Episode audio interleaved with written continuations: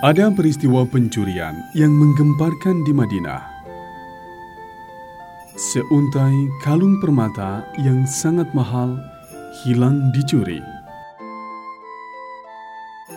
Pemilik kalung itu seorang bangsawan terhormat. Para sahabat pun melakukan penyelidikan. Ternyata pencuri itu seorang perempuan cantik jelita dari keluarga besar Bani Al-Makhzumi, keluarga yang sangat terhormat. Dia adalah keponakan Khalid bin Al-Walid, seorang jenderal yang berkuasa, panglima tentara Islam. Para penyelidik pun menjadi bingung.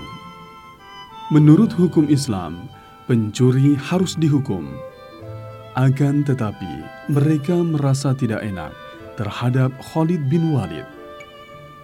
Salah seorang penyelidik bernama Usama bin Zaid menghadap Rasulullah Sallallahu Alaihi Wasallam. Ya Rasulullah, menurut penyelidikan kami, pencurinya adalah Fatimah binti Al-Aswad dari Bani Al-Makhzumi yang terhormat.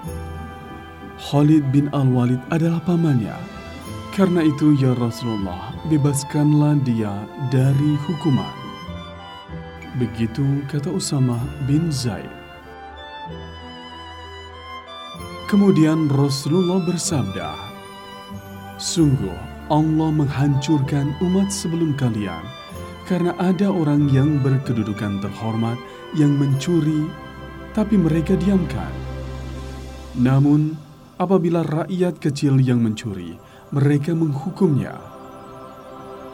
Demi Allah, seandainya Fatimah binti Muhammad mencuri, potonglah tangannya. Fatimah binti Muhammad adalah putri kesayangan Rasulullah. Seandainya dia mencuri, dia pun harus dihukum. Hukum harus dijalankan tanpa pandang bulu. Jangan sampai karena pencuri itu berasal dari keluarga terhormat dan keponakan jenderal, lalu didiamkan saja. Demikianlah sifat Rasulullah Sallallahu Alaihi Wasallam sebagai pemimpin yang adil.